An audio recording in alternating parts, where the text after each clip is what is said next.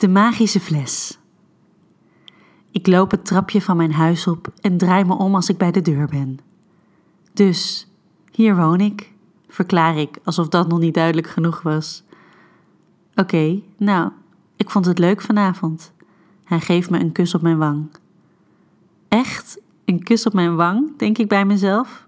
Oké, het is heel beleefd en wat dat betreft mag ik niet klagen. Ik bedoel, als het een afschuwelijke gast geweest was, zou ik blij zijn dat hij het bij een kus op mijn wang houdt. Maar dit was verre van een afschuwelijke gast. Ik was de afgelopen drie uur met deze man samen geweest. We hadden gegeten, gedronken, in het park gewandeld en ontzettend veel gepraat en gelachen. En ik heb niks wat maar ook maar in de richting van afschuwelijk komt bij hem kunnen ontdekken. Daarbij krijg ik het alleen door naar hem te kijken al knikkende knie omdat hij zo absurd knap is. Echt, ik overdrijf niet. Zijn getinte huid vraagt er gewoon naar om aangeraakt te worden. Zo zacht ziet het eruit.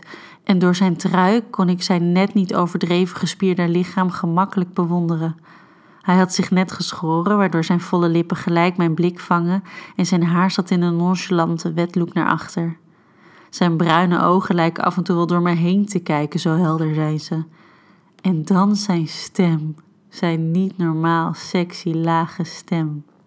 En dus geef ik hem, voordat hij de kans krijgt een stap naar achter te doen, een zachte zoen op zijn mond. Oh mijn god, wat zijn zijn lippen zacht. Dan besef ik me dat hij misschien helemaal niet wil dat ik hem zoen en stop ik abrupt. Ik open mijn ogen en werp mijn blik omhoog recht in die helderbruine kijkers van hem. Mijn enigszins verontschuldige blik verdwijnt gelijk als ik zijn ondeugende ogen zie. Kom je mee naar boven? vraag ik zacht. Je bedoelt voor koffie, antwoordt hij grijnzend. Hij geeft er een knipoog bij die me naar de deurknop doet grijpen om niet ter plekke door mijn benen te zakken. Zoiets ja. Ik draai me om en maak de deur open en loop naar binnen, met mijn verovering achter me aan. De keuken halen we niet, laat staan die koffie. Een spoor van kleding verraadt onze weg linea recta naar mijn slaapkamer, waar hij me nog voordat we het bed bereiken tegen de muur aandrukt en zijn lip op die van mij drukt. Ik bijt zachtjes in zijn onderste lip en gebruik zijn gekreun om mijn tong naar binnen te laten glijden. Hou op met me, hoe kan hij nu ook nog zo lekker smaken? Ik wil in hem klimmen, zo heerlijk voelt het, en doe daar dan ook een poging toe.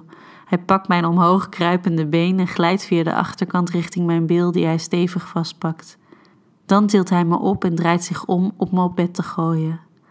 Hij gaat tussen mijn benen staan en trekt tergend langzaam mijn slipje, het enige kledingstuk dat ik nog aan had, naar beneden. Zijn bokser verdwijnt ook en van wat er tevoorschijn komt krijg ik het nog veel warmer dan ik het al had. Uitdagend glijdt hij met zijn vingers over mijn lichaam. Mijn tepels worden stijf en steken recht vooruit bij zijn aanraking. Een rilling gaat door mijn lichaam. Langzaam glijdt hij via mijn dij verder tussen mijn benen. Zijn hand blijft tussen mijn benen rusten en hij kijkt me vragend aan. Wil je wel? Ja, alsjeblieft, smeek ik hem. Ik wijs naar mijn nachtkastje. Die heb ik nodig, hijg ik terwijl zijn hand tussen mijn benen rust. Ik wijs naar mijn grote bodygliss fles die daar standaard staat. Het is al enige tijd mijn steun toeverlaat, sinds ik mijn vriendinnetje toevertrouwde dat hoe opgewonden ik ook ben, ik altijd hartstikke droog blijf. Naast dat ik er zelf heel onzeker van werd, worden mijn bedpartners dat vaak ook. Maar toen bleek dus dat zij dat ook had en tipte ze mij de bodyglisslijn. Sindsdien pronkt een mooie, grotere fles met een pompje altijd op mijn nachtkastje en zit het 100 milliliter flesje standaard in mijn handtas. Ik bedoel, je weet maar nooit toch? Hij pakt de fles en alsof hij een glas champagne inschenkt, laat hij een enorme hoeveelheid vloeistof van grote hoogte tussen mijn benen vloeien.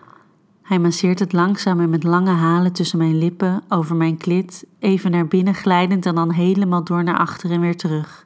Zijn aanraking alleen al doet me op mijn lip bijten. Ik heb zoveel zin hem in me te voelen, maar hij blijft me met zijn hand bewerken tot ik het uitkreunen houvast zoek in de lakens en mijn rug van het bed afkomt. Dan, uiteindelijk, gooit hij de fles op bed, trekt me aan mijn benen naar zich toe en glijdt zonder aarzelen bij me naar binnen. Ik voel de sensatie verplaatsen naar andere plekken en zijn soepele heupbewegingen maken me helemaal gek en doen me opnieuw mijn rug krommen.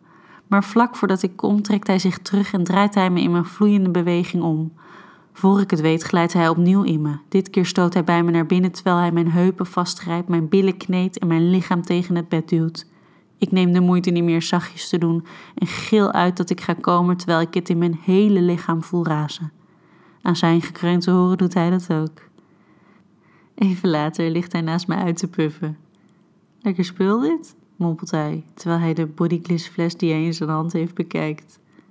Mhm, is het enige wat ik kan uitbrengen. Uitgeput kruip ik onder de deken. Wil je dat ik ga? Hoor ik hem nog op de achtergrond vragen. Wat je wil, mompel ik terug. Ik voel nog net dat hij ook onder de dekens kruipt voordat ik in een diepe slaap val.